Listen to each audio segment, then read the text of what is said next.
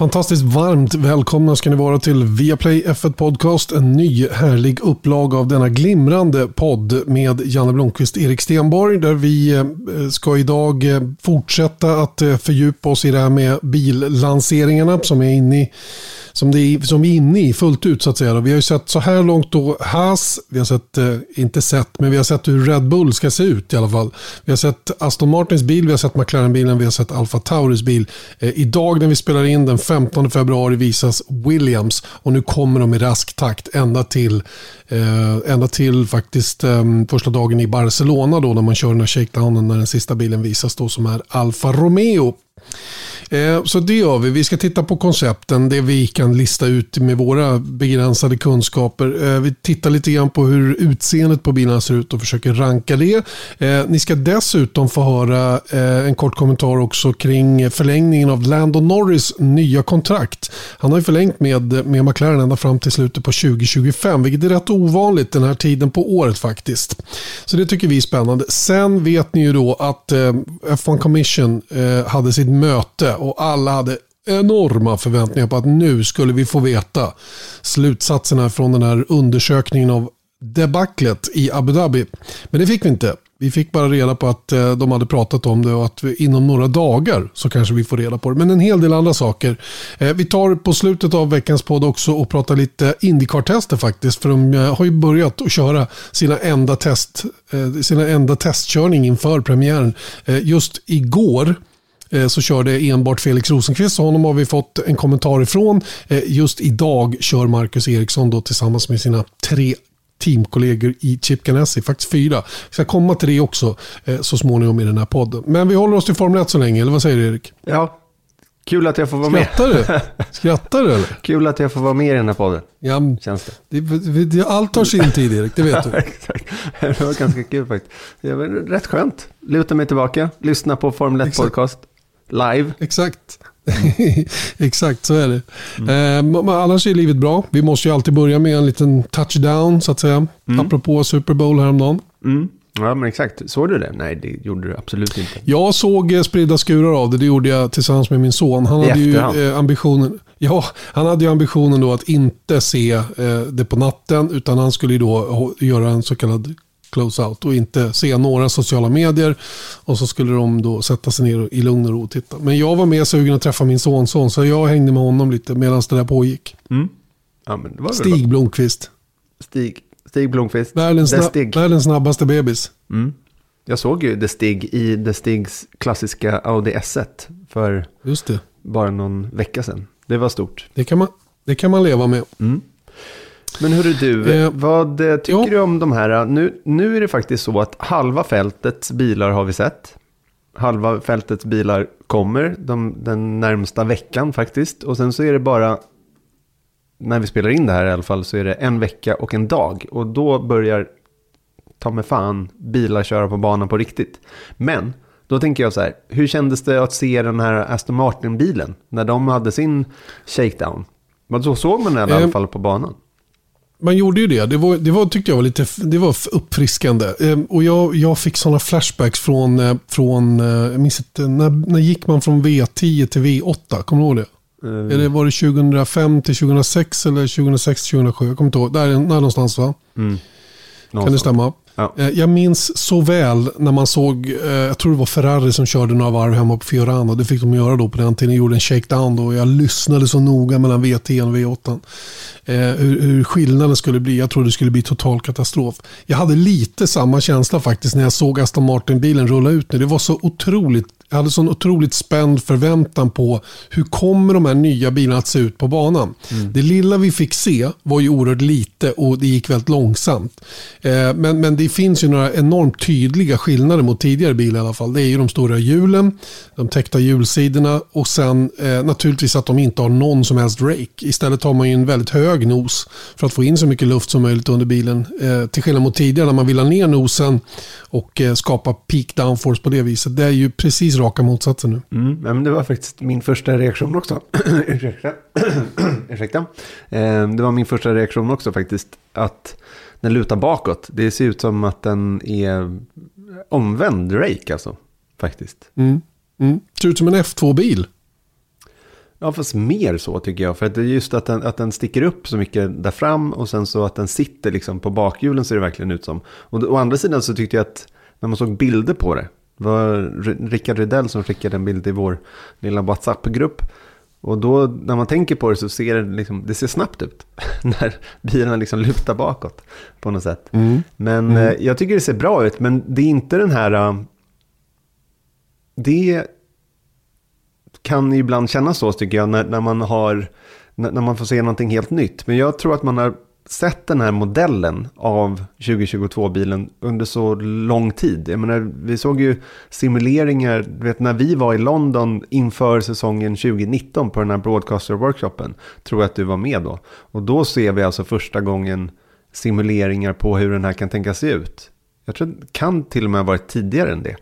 Så att jag mm. menar, man har ju levt med den här formen under väldigt lång tid och det är ju, trots att det finns olika koncept, vilket vi kan komma in på nu, eh, så är det ju ändå den här bakvingen, den här framvingen, alltså som är i princip likadan ut på alla bilar som vi har sett hittills. Mm, så är det. Och eh, de här små vingduttarna som kommer upp över framhjulen är också späck som det verkar på alla bilar. Och eh, jag fick någon fråga om vad de är till för och det är väl helt enkelt för att eh, underlätta så att inte vi får den här, eh, de här um, luftsvallen som, som inte trivs av bilen bak, som inte bilen bakom trivs med. Så att det, det, är nog, det är nog det. Och Eh, noterar ju också att det finns nu inga bargeboards längre som ska styra in luft under bilen. Utan det, det här är, ju, det är ett helt annat koncept verkligen. Och alla experter påtalar ju det mer än en gång. Att det finns ingen carry-over från allt som är gjort tidigare. Utan det är verkligen helt nya koncept. Eh, det vi kan notera också är ju att eh, det finns lite olika tankesätt kring hur bodyworken ska se ut på bilen. Alltså hur karosseriet efter föraren så att säga då ska se ut. Antingen har man då en väldigt slimmad. Eh, man kallar det för Coca-Cola-formen på bilen då, där den går från det breda till det smala. Ska ju då simulera flaskan. Eh, men titta till exempel på Aston Martin-bilen då som, som uppenbarligen har lagt sina kylare horisontellt mm. uppe på sidepodden eh, av någon anledning som de uppfattar är väldigt smart. Eh, det innebär ju att deras Eh, karosseri då bakom eller över runt kylarna och bakåt blir väldigt brett på bilen. Eh, men i gengäld har de då, i och med att de har kunnat flytta upp kylarna, så har de kunnat skapa ett utrymme under. Som, som, som går jäms med golvet fast på ovansidan. Då. Och så får de som ett nytt tak då utav karosseriet ovanför eller under kylaren. Vilket betyder då att de, som jag läst mig till i alla fall, för det här förstår ni att jag har inga, inga praktiska kunskaper om det. Men jag har läst mig till att man försöker skapa en en, en golvfunktion till så att säga. Då. Helt enkelt olika tryck då, som ska generera än mer downforce. Då. Vi får väl se om det där kommer att funka eller om kommer, bilen kommer att bli för luftmotståndig eller om det där helt enkelt inte lirar överhuvudtaget. Men det är ju den enda synbara skillnaden på de bilarna som har dykt upp än så länge som man har kunnat notera. Eh, I övrigt så är de allra flesta är ganska konventionella med att de vill ha det så slimmat som möjligt. Då. Man kan notera att det är fyrkantiga hål på flera av bilarna när det gäller intagen till kylarna luftintagen i sidepods. Mm. Eh, vet inte om det har någon större betydelse heller. Då. Sen tycker jag jag upplever bilarna som väldigt långa då, för att nosen är längre och framvingen sitter längre fram. Och, och den grejen. Men egentligen är de ju inte något längre. Eh, DRSen finns kvar, det har vi ju sett också. Eh, ska bli spännande att se om det kommer att behöva användas eller inte. Det är väl det man använder de här två olika testerna till att, att utvärdera till att börja med. De, de kommer ju, det, det, var nämligen en sån där Formula 1 Broadcaster Workshop i förra veckan som jag var, lyssnade en liten del av. Vi kommer väl gå in närmare på den eh, nästa veckas podd för att berätta om lite nyheter. Då. Men då, då uttalar sig Pat Simmons om just den grejen att det är en i, långsiktigt så ska de göra sig av med DRSen. Men det är inte möjligt att göra det bara liksom med en finger, vad heter det? Finger, knäppa med knäppa fingrarna. med fingrarna, genom ja. att knäppa med fingrarna. Precis, så det, det, är en sån grej. Och sen så är det också eh, faktiskt, apropå när man pratar om långsiktigt, att göra sig av med saker som hjälpmedel i, i Formel 1, DRS är ett, men även däcksvärmare eh, är någonting som de tittar på att göra sig av med också. Men det ska också då till att då måste däcken ehm, eh, utvecklas så pass att det kan värmas upp mycket snabbare än vad det gör idag. Ehm, så att det, det, det, finns lite nyheter där sett till eh, vad de eh, pratar om rent tekniskt hur man ska göra sig av med och förenkla det ännu mer. Men det tar vi som sagt nästa vecka. Vad, vad, vad tycker du då om eh, eh, färgerna? För att jag, jag, jag, tror samtidigt att det vi har sett hittills, nu när Aston Martin till exempel faktiskt var ute på banan och det filmades en del, jag menar det där är ju en riktig bil. Red Bull-bilen var ju bara ett skal. Not so much. Det var, ju, det var ju Formel 1-modellen det. Ja. Där de bara satt, eh, satt på liksom, eh, lite folie, antagligen då. Um, men... Jag tror inte ens det. För var det ens en, ja, det, ja, det var nog 17 en riktig bil. Ja, men, eller ett skal i alla fall. Det var mm. inte... Ja, men eh, lika mycket som den där showbilen var. Så har de bara satt på lite Red Bull-färger helt enkelt. Mm. Uh, men vad, vad, vad, tycker du då om bilarna som sådana? Alltså även om man tittar på olika koncept och sånt där. Det kan komma, och det var det jag var inne på här. Att jag kan tänka mig ändå att Barcelona-spexen på bilarna och även Bahrain-spexen kanske kommer se lite annorlunda ut sett till framvinge. Eh, jag menar det är mindre skillnader men här såg man i alla fall koncepten som du var inne på. Jag menar de här luftutblåsen antar jag att det är. Eh, på ovansidan av Aston Martin-bilen som så här eh, gälar. Ser coolt ut tycker jag. Men, och du är ingen stor fan att, att ratea bilar sett till utseendet. Men nu ska vi göra det ändå, Janne. Så tugga i det. det, ska, det ska vi göra. Ja, men jag, kan, jag kan tycka, jag kan, det, det blir väldigt mycket subjektivt tyckande och inget, ni behöver inte lägga någon vikt vid vad jag tycker utan det gör ju var och en som den själv vill. Men eh, hasbilen tycker inte jag har förändrats något. Den ser ut som den gjorde förra året. Det är ju kanske något streck hit och dit som ser lite annorlunda ut. När det gäller Red Bull så är ju alla så här, ah, jag, jag slås varje år av förvåningen som kommer från många att de inte gör något med sin livery. Mm. Men varför ska de göra det? Hela, deras, hela, hela idén med att marknadsföra Red Bull bygger på det de, det de faktiskt har gjort i alla tider. Så, så där är det verkligen, if it ain't broken, don't fix it. Och jag tycker de gör helt, igenkänningen är ju enorm på Red Bull-bilen. Visst, vi ser den nya, nya stora huvudsponsorn, då, dataföretaget som finns där. Och jag hörde av min bror som har jobbat i branschen att, att um, de, är inte så, de är inte så lätta att förhandla med. Om jag har förstått det hela rätt. Men de har ju skjutit i en del slantar i alla fall. Och, eh, det var väl en Benetton-bil såg jag på någon. Någon hade lagt upp någon bil. Benetton hade också eh, Oracle som de heter då, som, som huvudsponsor en gång i tiden. Mm. När det gäller Aston Martin så gläds jag verkligen åt att den nu är riktigt grön. Mm. Förra året var den svart, den hade en svart ton i det gröna som gjorde att det gröna försvann alltid när man såg den på avstånd. Nu är den ju mera mer åt lime, delvis limegrön och grön, vilket jag uppskattar. Det är ju så som deras sportbilar har sett ut, eller när de har kört på Le Mans till exempel, att de sticker ut lite tydligare på det viset. Det gör den ju bättre i år måste jag säga. McLaren, ja, ni vet att jag har förkärlek för den där ljusblå-orangea färgen. Kombinationen går mig rakt in i hjärtat, så jag tycker den är supertrevlig att titta på. Eh, McLaren-bil. Alfa Taurin, eh, precis som Red Bull, de håller sig till sitt koncept. Alla tre bilarna mer eller mindre har ju sett likadana ut. De har skiftat lite grann med vilket som ska vara mörkt och vilket som ska vara ljust från första året till andra. Och nu ser ju den tredje bilen ut att vara ungefär som, som år två. Mm. Men jag vill ha en siffra. Jag, jag, jag, kan, jag kan inleda om du vill. Så kan du bara ja, du se vad, så. vad jag ska, tycker. Jag ska, jag ska ranka alltså 1 till 5. Mm. Nej, till 10 mm. till och med. För till 10, okej. Okay. ja, men du, du får snabbt här. Haas? Ja, Haas får, för Haas får en, en fyra för idéfattighet. Mm. Den är inte ful på något sätt, va? men är, den är inte kul att kolla på. Det är den inte. Red Bull de får en sjua, sjua, åtta för uh, ihärdigt, uh, att de ihärdigt håller fast vid sitt, sitt koncept som de egentligen alltid har haft. Sju eller åtta? Aston Martin, sju. sjua får de. Då. Sjua får de. Mm. Aston Martin får en åtta. Jag tycker den är fin i den här gröna färgen, helt klart. Eh, McLaren-bilen, eh, nia. Absolut. Det skulle kunna varit en fullträff också, men jag sätter 9 då för att ha lite leverage uppåt. Eh, Alfa Taurin en 7. Den, den, den, är, den, är, den är cool, snygg, bra, bra färgkombination, vit, ljus och mörkblå. Tycker den är trevlig. Jag saknar de vita fälgarna, kommer jag alltid att göra. Mm. Ja. Sjukt besviken på det. De var coola. Eh, Haas är då sämst ute i våran ranking. Jag gav eh, Haas en trea så de fick 11 poäng totalt. Eh, nej, 3 plus 4 är 7 poäng och Red Bull är 2 med 11 poäng då. Och sen så har vi eh, Alfa Tauri, fick 14 poäng av oss. Jag gav den också en 7. Och sen så eh, Aston Martin fick 16 poäng. Båda gav 8 Och McLaren är ju i särklass där på 18 poäng. Jag gav också 9 faktiskt. För jag tycker det var kul att de gör någonting väldigt annorlunda.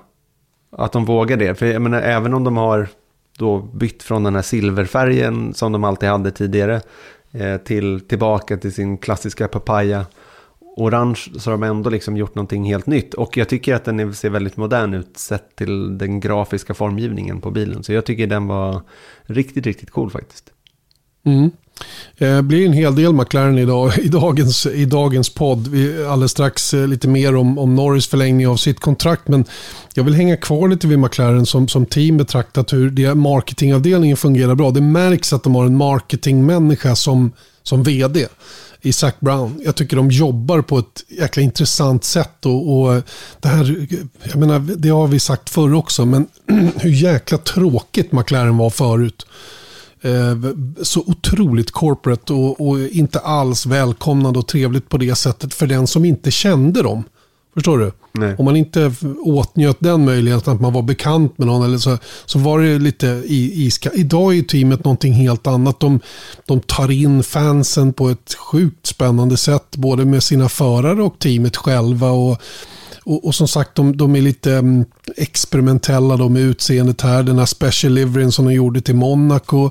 Um, bara ta deras teamlansering som de gjorde nu på, på, um, på um, YouTube var det väl. Uh, med alla sina satsningar i samma lansering. Mm. Det tycker jag också. Att man liksom försöker bygga McLaren Racing i en större utsträckning till att vara det här the, the go-to company när man vill marknadsföra sig i motorsport. Va? Och det, jag tror att där har de en enorm fördel gentemot många av de andra på deras nivå.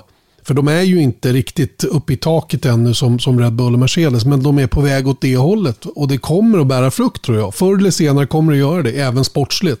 Kanske mm. redan i år. Mm. Ja, men jag tycker, apropå den lanseringen där, att de körde Indycar, de körde Extreme E och de körde, vad var det mer? Och Formel 1 var det ju såklart. Ja. Men det var, var det bara det var de. Var det, var det de tre? Har de något mer då? Kanske de har. Eller så har de inte det. Ja. Men oavsett så var det just den Se, grejen. Vi kommer inte ens ihåg. Nej, exakt. Men, men jag tycker ändå att det är... Jo, eh, e-sport var det. E-sport var det. Mm. Så det var fyra. Men, och det är det jag menar att de engagerar sig i många olika motorsporter också. Som är, och sen så har de såklart sina eh, liksom kundbilar i GT-klassen och allting sånt där. Men jag tycker just att de gör en grej av det. Jag menar, det, det, det är många som ändå som engagerar sig brett i motorsport sett till bilmärken. Men det blir väldigt separata öar medan McLaren då, som du säger, Zac Brown som har startat, han var ju liksom en föregångare inom marknadsföring i Formel 1 då genom hans tidigare företag Just Marketing. Eh, som var, hade ju sina liksom, finger, fingrar i alla syltburkar i stort sett i, i Formel 1. Så det är därifrån Zac Brown kommer och han gör om McLaren till att vara eh, någonting helt annat, som du säger. För det, det var ju faktiskt så att när, även om man gick in i McLarens Motorhome när de hade den här silverfärgade spegelglasen, liksom, så var det ändå så att där kände man sig inte välkommen om man nu behövde gå in och hitta en pressmänniska eller någonting sånt där. Utan då var det så här, men vänta, vänta, vänta, vad är du här? Medan någon annan då kunde mycket väl gå in där. Men det var väldigt så här, du hör hit, du hör inte hit. Så det, och det fick man känna av. Och det tycker jag är en helt annan grej nu. Nu, nu har man ju knappt varit ute på race sett till eh, under pandemin. Så att man under den här eh, omgörningen av deras pers persona så att säga. Om man kan kalla McLaren som en persona. Men Eh, så, så man vet ju inte hur det där slår ut när man väl är i paddock eller liksom känner av dem på riktigt. Men jag tror att McLaren har ju nästan blivit roligare än Red Bull är nu. För Red Bull var ju föregångare sett till att öppna upp. Medan Red Bull har, känner jag nu, nästan stängt lite mer runt sitt Formel 1-team för att skydda sig. I och med att de slåss i toppen och allting sånt där. Medan McLaren då har öppnat upp och tänker annorlunda. Det tycker jag är en... en och på, på något sätt så känns det som att de kommer hänga i det där också. Jag tror inte att de kommer tror stänga det, sig. Tror du att det är en tillfällighet också att, att, att Zac Brown är en amerikan? Nej, det tror jag verkligen inte. Absolut inte. Och jag tror verkligen att han är en racingfan också, vilket också gör dem mycket Titta mer möjligt. Ja, men precis. Det är han ju. Det, det, det, är ingen snack om saken. Men det är det jag menar att han för in den här grejen också. Att Gulf Liverin det ser ju han historien bakom också. För det var ju inte bara en så här PR-gimmick tror jag, utan jag tror att han på riktigt tyckte att det var kul att köra med guldfärgerna i Monaco just där. Ehm, så att, ja, men det, det, är lite frisk fläkt faktiskt. Och det ska bli intressant att följa även den gången så att säga för McLaren. Inte bara rent prestandamässigt på banan. Och då när vi ändå, ändå håller i McLaren då, eftersom de är, de är ju inte den senaste att visa bil, men som gjorde kanske den, den, den, det mesta avtrycket, eh, så är James Key, är ju deras technical director, som värvades då ifrån från eh, Toro Rosso. James Key med, med bakgrund då i, hos eh, Eh, Eddie Jordan och, Gary Anderson en gång i tiden. James Key är ju en, en väldigt, väldigt stark bil, bildesigner. Om, om, om, man nu kan kalla dem för bildesigners nu för tiden, de som är technical director. Men i alla fall, han, han är duktig på sitt jobb. Och um, det ska bli kul att se va, hur, hur deras tolkning av av det här ehm, reglementet kommer att fungera. Och Det intressanta är ju också att McLaren-bilen paketerar sin motor på ett sätt. Medan Aston Martin som har samma typ av motor paketerar på ett helt annat sätt. Eh, och det är ju två riktiga kanoner också eh, rent bildesignmässigt eh, som, som jobbar mot varandra. Och båda kommer ifrån samma ska jag säga, bakgrund då, när, när deras karriärer startade då i den här plantskolan som faktiskt Jordan Grand Prix var då en, en gång i tiden. Vi pratar Andrew Green. Andy Green, ja, Andrew Green ja, som, som eh, har motsvarande roll då hos, hos Aston Martin då, som, som James Key har hos McLaren. Eh, två spännande figurer. Ehm, som sagt, Williams-bilen kommer idag när vi poddar den 15 februari. Ehm, vi vet inte så mycket om den. Det var någon som ställde frågan om de kommer att vara innovativa eller inte. det är ju lite svårt. Jag har lite svårt att, för, att liksom ta till mig lite grann hur de tänker i Williams just nu. Då. Eh, de kommer köra med Alex Albon och Nicolas Latifi. tycker jag är en bra, städad, eh, okej okay, line-up. Latifi får chansen ytterligare ett år. Han är ingen dålig racerförare. Han har varit långt ifrån på samma nivå som George Russell. Och det kan finnas många saker som, som har anledning till att han inte riktigt hänger med. Va? Men, men eh, vi får se om man kan haka på Alex Albon. Och sen som sagt då, eh, de, de presenterar ju också en ny stor sponsor då i Duracell. Mm. Eh, det kan ju vara lite kul med något batteriföretag nu när vi går mot mer och mer elektrifiering. Att de kanske tycker det är en intressant marknad att synas på. Även om inte Duracell har med, med bilbatterier att göra. Så är det ändå en rolig koppling att göra. Eller hur? Ja, det kan, det kan ju bli kanske. Jag vet mm. inte vad de mm. gör för eh, utveckling på deras marknadssida. Men eh, ja, jag vet inte, det ska bli kul. Jag, jag tror att eh, eh, jag tror att alla team försöker vara innovativa, helt enkelt. Och eh, inom rimliga gränser, för jag tror inte man vill innovera bort sig heller. Utan eh, det är där som jag tycker är ändå intressant då, att det skiljer sig så pass mycket ändå bland koncepten. Även om det inte är så här jättestor skillnad på formen på bilen rent generellt. Men man ser ju när man tittar på detaljerna ovanifrån på Aston Martin eller McLaren så är det ju verkligen en stor skillnad. Så det, det säger ändå någonting om att man kan tolka det här reglementet på väldigt olika vis. Eh, vi har också sett bilder på George Russell som gjorde sin seatfit. Han har nu fått sitt eh, passerkort på i, i, i Brackley. Han har nog haft det sedan länge i och för sig. Va? Men i alla fall, de gör en liten grej av det såg jag på Instagram. Men, men det intressanta är ju då eh, att se, det är ju de man är nyfiken på nu. Och vi kan väl officiellt säga då att Lewis Hamilton verkligen är tillbaka nu. För nu har vi sett honom i overall och det är liksom inga tvivel kvar. Nej, nej, nej. Nu, nu börjar säsongen eh, på riktigt allvar för hans del att, att ta fart. Och eh, vi är inte så långt ifrån den här den här första testen, om vi kan kalla det den som alltså körs i Barcelona. Men det är ju Merca och Ferrari som, som jag nu är nyfiken på. Och självklart Red Bull-bilen också då, eftersom vi inte har sett den ännu. Vi har bara sett eh, lackutseendet på den. Mm. Då så, innan vi släpper eh, McLaren då, ska vi landa lite grann i eh, den kanske stora överraskningen i samband med bilanseringen, nämligen det faktum att man också presenterade att, Lewis, eller att Lando Norris faktiskt förlänger sitt kontrakt med teamet. Eh, och i de här tiderna när det är så oerhört stressigt som det är för, för Formel 1-teamen att få i ordning på bilarna så är det väldigt ovanligt att man, att man kommer med en sån nyhet mitt i all det andra som pågår. Men nu gjorde man det och det var ju självklart en, en väldigt eh, bra nyhet för eh, Lando Norris. Very good news because I'm very happy with where I am. I think uh, we have the same goals and same um, achievements we want to complete together. And um, I have good confidence in the team, and the team have good confidence in me. So we want to achieve this together. You know, I want to win with McLaren. I want to win a championship with McLaren and win races at least. And um, and that's our goal. You know, it's not just mine; it's our goal. So I'm happy to be staying here for much longer, um, spending more time with the boys and girls in MTC and, and all of McLaren, and uh, continue our journey together.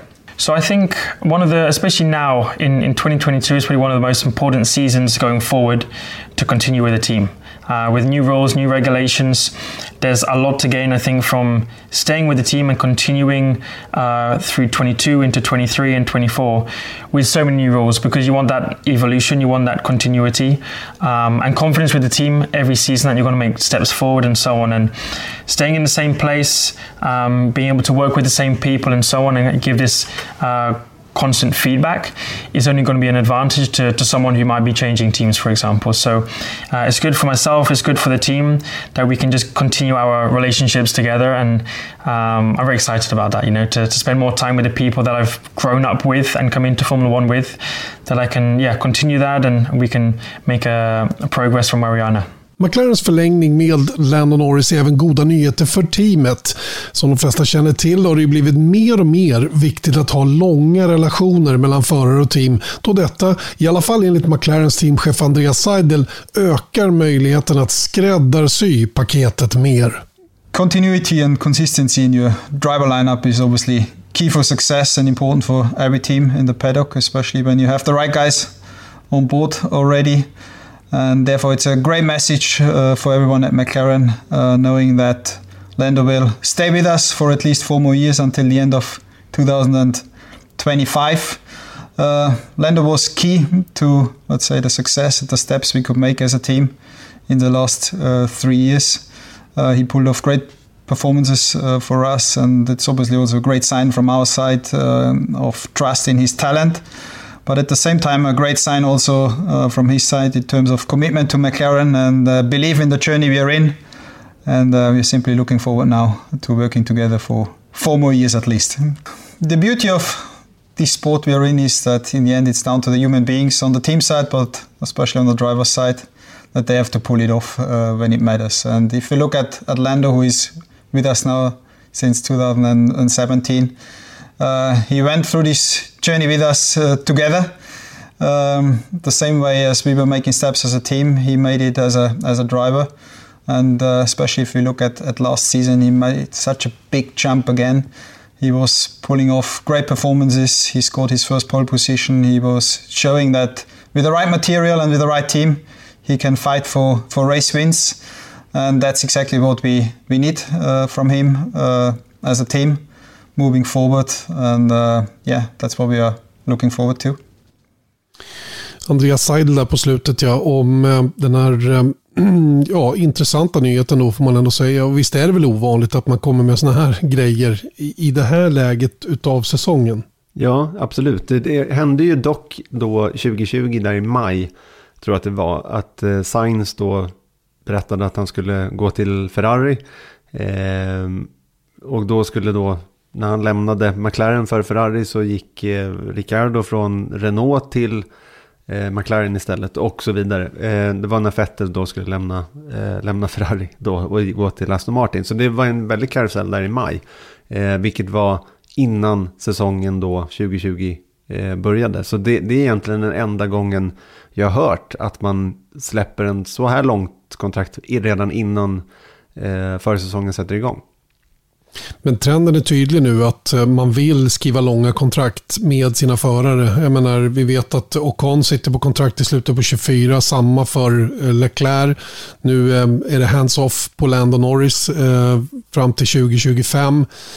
Vi har ju annars en väldigt stor karusell på gång inför 2023, så det, det är nog kanske av taktiska skäl också viktigt att vara på banan. Say hello to a new era of mental health care. Cerebral is here to help you achieve your mental wellness goals with professional therapy and medication management support. 100% online. You'll experience the all new Cerebral Way, an innovative approach to mental wellness designed around you. You'll get a personalized treatment plan from a therapist, prescriber, or both in a safe and judgment free space. Your Cerebral therapist or prescriber will outline a customized plan with clear milestones along the way so you can get to feeling your best. With Cerebral, you're not alone in your mental health journey. We're here to empower you to live a fulfilling life. So take that first step towards a brighter future and sign up today at cerebral.com slash podcast and use code ACasts to get 15% off your first month. Offer only valid on monthly plans. Other exclusions may apply. Offer ends July 31st, 2024. See site for details. Banan med hur man vill ha det framöver för, för de som står inför ett, ett läge där, där flera av, eller kanske båda förarna i teamet då, vars kontrakt går ut måste antingen återanknytas eller, eller släppas för att gå vidare. Mm. Om man tittar då på nyckelpersoner var, vars kontrakt, vad vi vet, ska gå ut då efter den här säsongen. Då är det Perez i, eh, i Red Bull då såklart. Det är klart att det kommer vara en jätte jätteattraktiv plats att vara, vara vid då. Eh, Sainz kontrakt tror jag i alla fall är sagt att det går ut efter den här säsongen. Det är väl Så sannolikt är att han får eh, stanna kvar.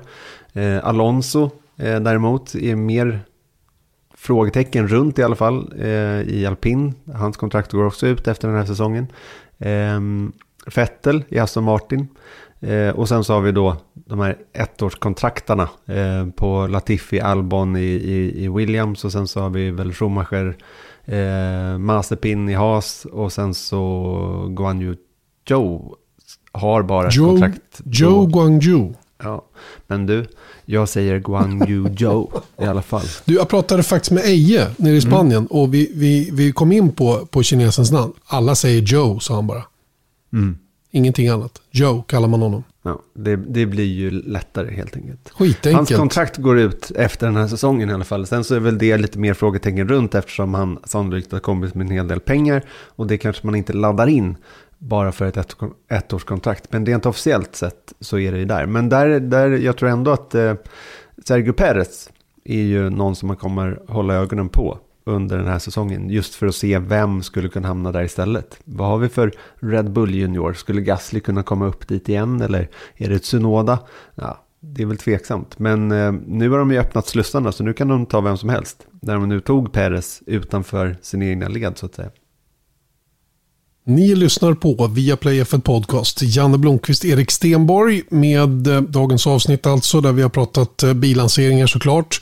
Eh, de fortsätter ju. Vi har rankat hur, hur de ser ut bilarna, alltså med visuellt. Vad tycker vi? hur, smakar det gott? Ser de fina ut?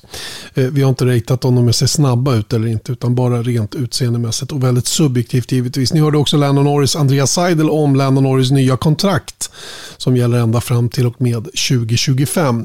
Eh, vi lämnar nu det och kommer in på det som kanske har varit för många i alla fall eh, en lång väntan på att få besked kring.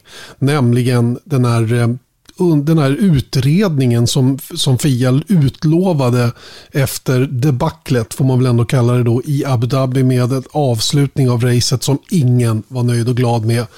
Ehm, och ehm, det där ehm, blev ju lite speciellt. Nu var det nämligen så att F1 Commission träffades i London igår och diskuterade ärendet då tillsammans med Ben Sulayem, då, den nya FIA-presidenten. Det var väl hans första F1 Commission om jag har koll på läget rätt här. Och eh, han har ju ingen lätt uppgift att starta med den här bajsmackan som man faktiskt får kalla det.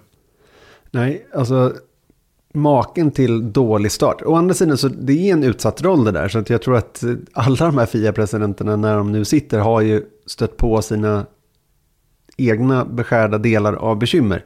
Men det här var ju en, en stor, stor grej. Precis liksom när han kliver på så, så blir det den här grejen. Och då när hela, liksom varenda F1-fan i hela världen utkräver svar.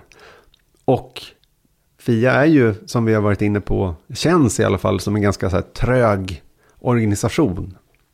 På så vis att de kanske inte riktigt är 100% transparenta med allting och, och, och sådär. Och nu vill folk utkräva transparens och det är svårt för dem att, att ge det. Men det är ju jättesvårt för jag tänker, jag menar, det man läser om i Formel 1-nyheter så handlar ju väldigt mycket om det. När jag var uppe på Race of Champions så står man ju och pratar med väldigt mycket bilsportsintresserade eller sådana som är involverade i bilsport. Och 50% handlar om fortfarande om eh, Abu Dhabi. Och eh, kommer eh, Michael Masi vara kvar eller inte? Kom, liksom, det, det, är ju nästan befängda. Eh, befängt mycket fokus på det. Eh, fortsatt då. Och runt den här personen då. Ska Michael Masi vara kvar eller ska han inte vara det? Och eh, Sebastian Vettel sa det väl tycker jag när eh, eh, de gjorde sin launch för Aston Martin-bilen. Att han säger så här, nej men det där är liksom, det är helt inkorrekt att lägga all den här skulden på, eller att ens tro att all den här skulden ska ligga på en enda person, alltså Michael Masi. Ja, och jag, jag är benägen att hålla med om det. Um, det, har blivit, det har blivit väldigt sådär polariserat mot att Michael Masi fuskade bort Lewis Hamilton. Och den, det där har ju vi snackat om så många gånger så det finns ingen anledning att gå in på det igen. Men det, det, är, det är helt inkorrekt enligt mitt sätt att se på det att det skulle vara något sånt som skedde. Det här var, i, det här, det här var, här var en, en serie av beslut som togs i en väldigt pressad situation som, som blev väldigt, väldigt tokigt. Och det är där det stora jobbet för Fia ligger i att stänga den, stänga den dörren. Se till att det aldrig går att hamna i den här situationen. Att en person ska tvingas in i den här situationen. Att den kan riskera att göra, ta beslut som slutar så tokigt som det gjorde i Abu Dhabi. Det är det som är det konstruktiva med det här. Det handlar inte om att hugga huvudet av någon människa. Alltså fattar inte de som tycker det, då är man riktigt, riktigt illa ute tycker jag i sitt sätt att se på hela situationen. Eller här älskar Lewis Hamilton väldigt, väldigt mycket. Ja, visst kan man göra det, men man måste väl ändå... Man, man, det är klart man får göra det, men man måste väl ändå förstå någonting av det stora hela, så att säga. Va? Jag menar, alla Nej, jag, ska menar, jag menar mer att så här, om man vet med sig att jag älskar Lewis Hamilton väldigt, väldigt mycket, då kanske man ska ha det i bakhuvudet också när man uttrycker lite sig så, på andra håll. Lite så. Och det finns ju ingen av alla de här gaphalsarna som skulle klara det där jobbet utifrån de förutsättningarna som Michael Masi hade i det här läget. Ingen skulle göra det. Så Nej. enkelt är det. Och, och, och, det är det som är grejen. Va? Problemet för Fia är att kommunicera ut det här på ett korrekt sätt så att det inte finns några förlorare. Och Det är här som är deras utmaning. Eh, och de vill, inte, de vill inte ta på sig någon riktig skuld känner jag. Rätt eller fel. Eh, de vill inte säga här blev det fel. Här är det vårt regelverk som är felaktigt. Vi la för mycket ansvar på en enda person i ett väldigt, väldigt pressat läge. Ja, så vad, får det vad händer då? inte gå till. Vad händer då om de skulle säga så här, nej men vi gjorde det här felet. Så här borde det inte gått till. Det de egentligen mm. säger då är ju att Max Verstappen är inte en värdig världsmästare. Så det är klart att det är jättemycket politik i det där också. Och jag menar, det Visst. kan ju vara stämningar liksom, som, som ligger bakom om de säger fel saker vid fel tillfälle. Oh. Så att, men, men vi fick ju inte reda på någonting sett till det. Inte mer än att Ben nu hade pratat med alla och, och igen antar jag. Eh, och inom de närmaste dagarna ska de komma med någon form av konklusion i hela den här frågan. Då, vad det nu ska leda till. Eh, det, de, det jag tror att de väntar på att kunna presentera det är ju en lösning. Alltså komma fram, vem blir tävlingsledare? Kommer det vara en enda person som blir tävlingsledare. Han som är tävlingsledare för World Endurance Championship, hans namn har ju dykt upp då som en, som en tänkbar ersättare. Men ska ens organisationen se ut som den har gjort? Eh, och, och, alla de där bitarna. Allt det där måste de försöka komma fram till nu ganska så snart. Men, men framförallt måste alla gamar eh, landa på sin gren och vara tysta ett tag nu.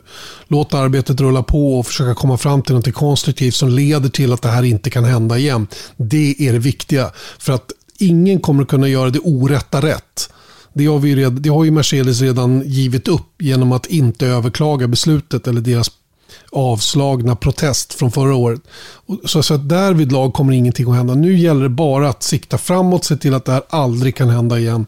Och jag hoppas verkligen att Fia får, får tummen ur nu ganska så snabbt och kan presentera en lösning som alla kan vara liksom, tillfreds med. Även Mercedes och Lewis Hamilton, då, hur smärtsamt det ändå var att förlora på det sättet som de gjorde. Mm. Ja, exakt, det, det är väl det vi ska vänta oss. Att om vi tänker att så här, här är facit för hur det här hände. Det mm. gissar jag kommer nog lämna en del att önska för många.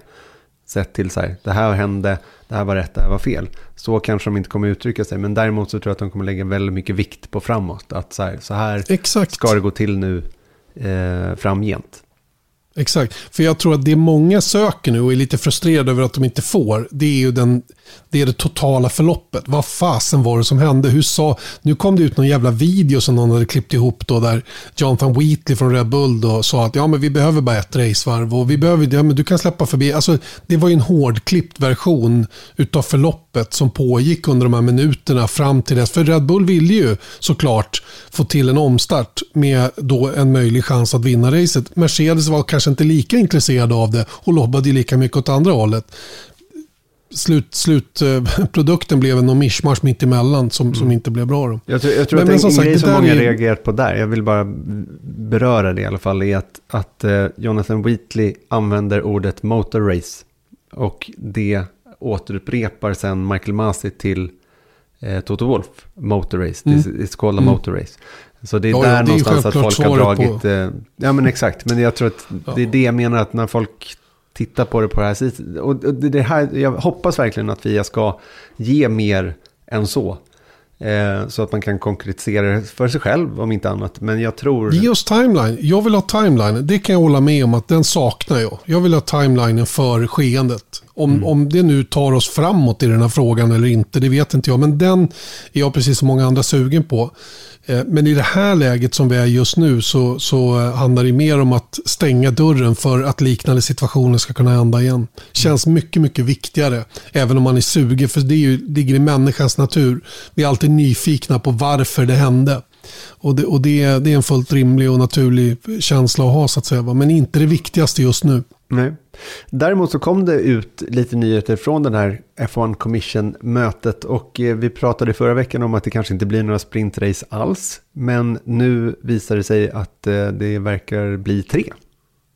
Så är det och eh, då har man eh, tittat över hela den här situationen. Då man har tittat på det som hände eh, under fjolåret med de tre som kördes. Och man märkte ju ganska snabbt att motståndet var stort från teamen att köra fler än tre. Med tanke på situationen med det nya reglementet och som jag sa då redan förra veckan, jag tror att det här med, med budgettaket har varit en, en väldigt ehm, eh, viktig faktor till att inte köra fler än tre, vilket nu då verkar vara eh, kompromissen. Då. Och det är ju på Imola och det är i Österrike och det är i Brasilien som eh, de här tre, eh, tre sprintarna ska köras. Då. Det här tycker jag är roligt också. Change of official session name from sprint qualifying to sprint.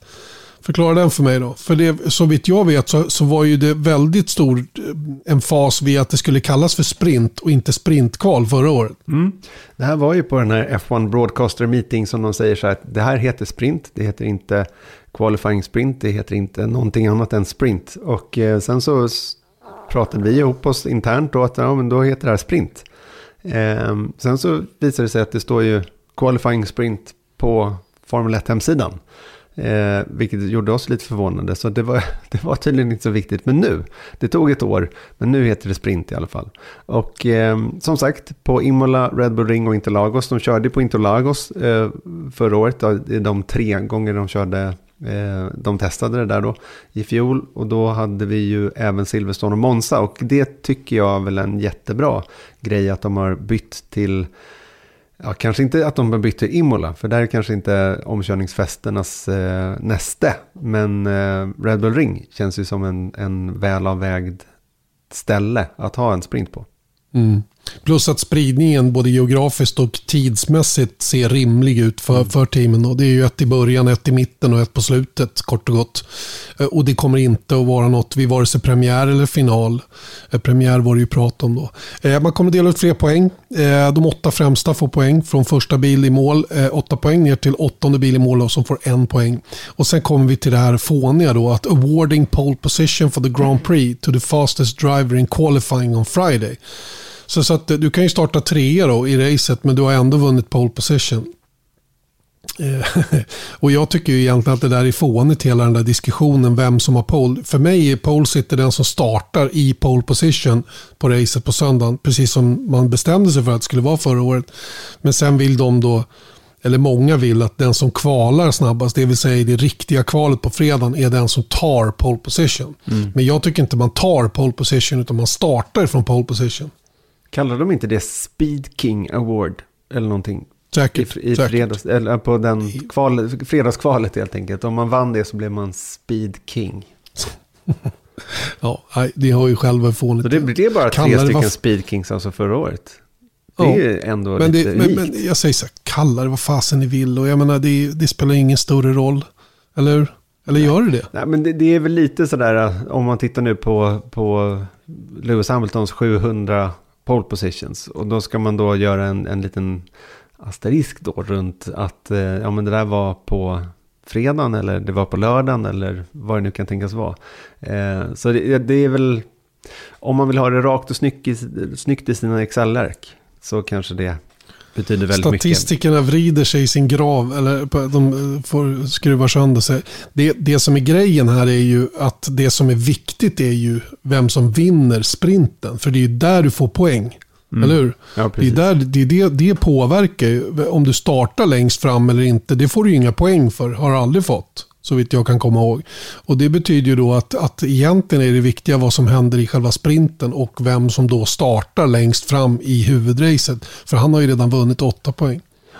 Jag, jag kan se för och nackdelar med de här åtta poängen då eh, nu också. För det blir ju väldigt mycket mer utslagsgivande. Och det var ju det som man var lite rädd för i, eh, när man testade det här i fjol. Att då en sprint inte skulle vara så utslagsgivande. Men jag tänker här nu att ah, det är alltid det där lite läskiga när man ger extra poäng. För det här måste man ändå se lite som en extra poäng. Eftersom det är en, en lite av en gimmick eller vad man kan kalla det. Den, den, här typen av racing. Som jag är för, absolut. Men det är ju obehagligt om eh, en Verstappen tar åtta poäng och, eh, och Hamilton eh, får punka. Och trillar ner till nionde och får noll poäng. Och det blir liksom utslagsgivande. Att det, det, det finns potential att en sprint dödar en VM-fight. Mm. De här tre sprintracen blir ju lika mycket värda som ett, som ett Grand Prix då kan man konstatera. Men ja, typ. och lite, lite annat eh, sett till nyheter också. För det var ju inte bara Abu Dhabi som var lite kontroversiellt i fjol, utan det var även Belgiens Grand Prix då, där, där eh, man egentligen aldrig startade racet. Eh, men ändå då, man körde väl två varv bakom Safety Caren. Och sen så um, kom man aldrig igång igen, men de delade ut halva poäng. Eh, nu har de tittat lite närmare på hur man ska göra där i framtiden, om någonting liknande händer igen. Mm.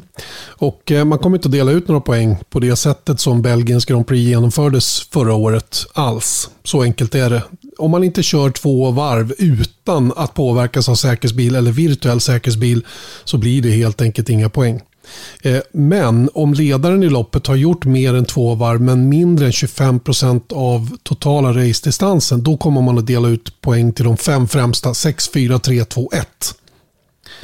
Eh, skulle ledaren av racet ha kört eh, 25% men mindre än 50% av det som är sagt eh, är den totala distansen så kommer man att dela ut poäng till de nio första.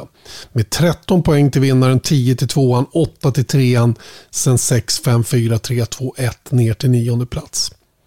Sen har vi det tredje alternativet. Då, om ledaren då har kört 50% men mindre än 75% eh, utav totaldistansen då kommer po poängen att delas ut enligt följande. 19 poäng till vinnaren, 14 till tvåan, 12 till trean, sen 9, 8, 6, 5, 4, 3, 2, 1 ner till tionde plats.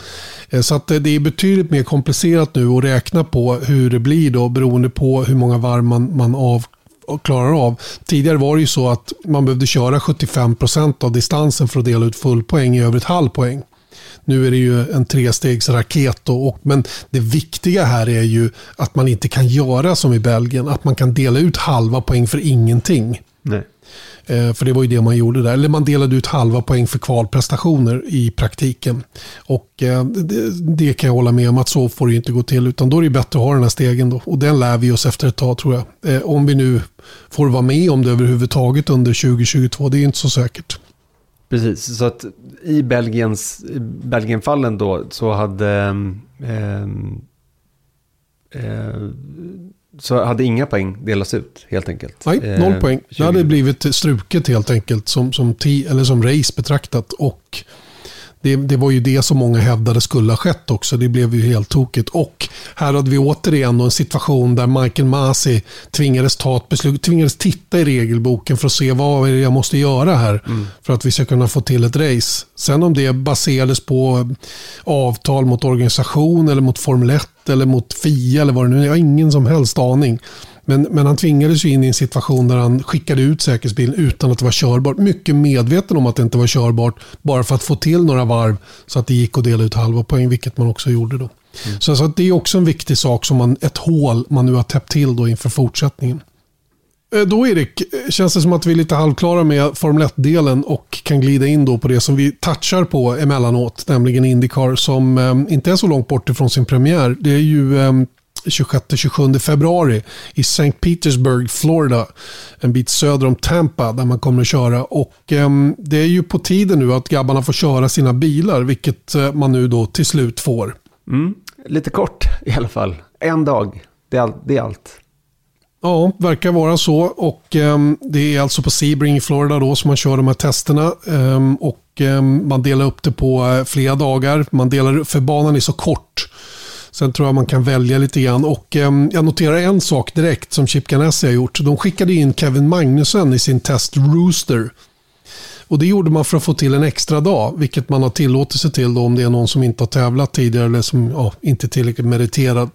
Så, så de, körde ju, ehm, de körde ju Kevin i Alex Palous bil igår. Eh, och det tror jag faktiskt, eller jag är rätt säker på att det är för att de ville testa inställningar mm. under dagen igår med Kevin i bilen eh, som, som de helt enkelt kan ha nytta av till idag och till kommande race.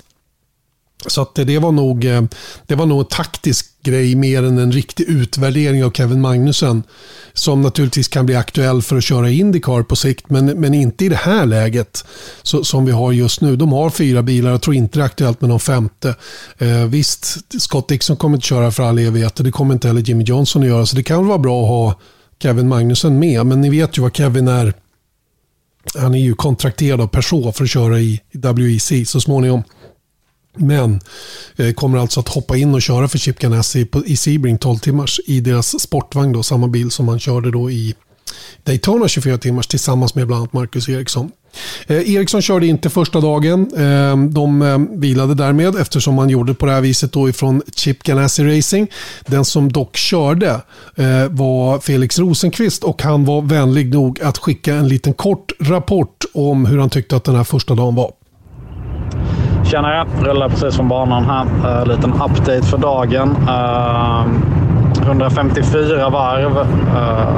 typ 40 på morgonen, 100 10 någonting på eftermiddagen. Uh, hade lite strul i morgon, rätt mycket tekniskt strul. Uh, mycket nytt folk och sådär som ska...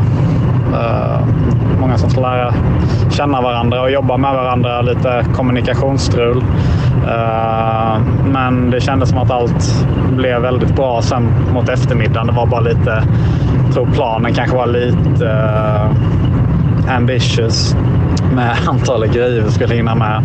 Men eh, nej, vi, vi kompenserade rätt bra på eftermiddagen. Vi gjorde väldigt många varv, två long runs, eh, två kvalsimuleringar. Eh, tyckte väl att många problem, de, de eh, grundläggande problemen vi hade förra året eh, var lösta, men de största problemen är fortfarande kvar. Så körbarheten är väl fortfarande den stora grejen, men det känns som Chevy-gänget har, har gett oss många bra tools att jobba med både race och kval. Uh, ja, nej, men det var kul, och kul att köra igen. Kul att vara tillbaka. Det var Long Beach sist jag satt i en, i en racerbil om man räknar bort eh, Porsche Cup. Så att, uh, känns spännande. Uh, många som är taggade. Många förändringar i teamet. Sådär, så att, eh, nej, det, beh det behövdes en dag bara liksom köra igenom allting. Och jag jag slutade femma på no-toe. morgonen hade jag inte riktigt någon vettig run utan strul. Så Nej, ingen veteran utan strul, säger han Felix Rosenqvist. Men äh, det är ju helt knasigt där att de får köra en hel dag innan premiären. Jag fattar ingenting. Nej, har man liksom problem under den dagen, så, som han hade under halva dagen, så jag menar, jag tycker nästan att det, det är på gränsen till lite farligt. Ja, det, det, kommer du ihåg när det var så kallt i, i, i Kota? De mm. kunde inte köra någonting och det var deras enda test också innan, innan premiären. Jag, jag vet inte, det, nu vet jag, att ni, eller, och det vet jag att ni vet också som lyssnar, att Indycar är ju ett enhetschassi. De har kört de här bilarna i all evighet och nu dessutom förra säsongen med windscreen och fått göra de kalibreringsjusteringar man behöver på setupen med anledning av den extra vikt som den gav. Så att de kanske inte bedömer att killarna behöver så himla mycket tid i bilen på det viset. Och, och, och, ja, kanske inte teamen heller gör det, för då skulle de väl trycka på mer om att få köra. Men, men eh, hur den är så, så det känns snålt eh, mm. på något sätt. Idrottsmän som inte får träna på det de gör, det tycker jag är konstigt. Jag kan berätta att han körde 47 varv på förmiddagen, Rosenqvist. Han var tionde snabbast då. Han var ungefär fyra tiondelar från bästa som var Romain Grosjean på förmiddagspasset. Grosjean som fick upp 29 varv på förmiddagen. Eh, Rosenqvist var sen femma då eh, på eftermiddagen. 106 varv blev det där. Eh, tiden 52.23. Allra snabbast Colton Hurta 51.85 före Grosjean återigen som höll till på andra platsen. Så Grosjean verkar ha hittat rätt i, i Andretti Autosport då, istället för Ryan Hunter Ray då, som han har tagit över efter. Sen eh, kan vi notera då att eh, vi hade en Penske med Joseph Newgarden på andra plats på eftermiddagen. Newgarden som hittade ett par placeringar framför 8 var han på förmiddagspasset, 43 körda varv. Eh, ingen Eriksson alltså under första dagens körning. Han kör idag när vi spelar in. Eh, vi kan väl berätta också att Kevin Magnusson hade 53-23 som bäst eh, under förmiddagen då, vilket var hans första varv i den där bilen då. Sen han hoppade in för Rosenqvist på var det Road America eller vad det nu var eh, förra året. Eh, han var lite högre upp under andra passet. Hade Callum Eilert, Christian Lundgård och Tatiana Calderon bakom sig. Tätt som rackaren tidsmässigt, mindre än en sekund eh, mellan bilarna. Men det här är ett kort varv och eh, den här banan är väldigt speciell. Och precis som Felix sa, det är, det är ganska lätt att göra bilen snabb om man sätter upp den bara för Sebring. Eh, men om man försöker hitta en setup som ska funka lite bredare, ja då kanske man får offra lite varv med anledning av det. Men visst ser vi fram emot Indycar-premiär? Väldigt mycket så faktiskt. Det är ju, det kanske är för att den ligger innan F1-premiären nästan tre veckor, eller det är tre veckor. Så att det, det är faktiskt det jag har kanske främst i bakom pannbenet just nu. Just det. Och det finns en rolig grej till som jag tycker att vi bör outa nu. Mm. Eh, nämligen att eh, man kan träffa oss just när vi det. spelar in podd. Vad Den första mars. Första mars. Den första mars. Tisdagen den första mars. Då kommer vi nämligen att vara på Bodegan i Lindvallen i Sälen. Och spela in Viaplay F1 Podcast. Och eh, det är ju sportlov för många, inte minst för alla från Stockholm. Mm. Så kanske är det en och annan som gillar Formel 1 som lyssnar på den här podden som är i Lindvallen då eller i Sälenkrokarna som vill komma upp och kolla. Det är bara att dyka upp, sätta sig på en stol och njuta av eh, samtalet som vi då kommer att ha. Kul va?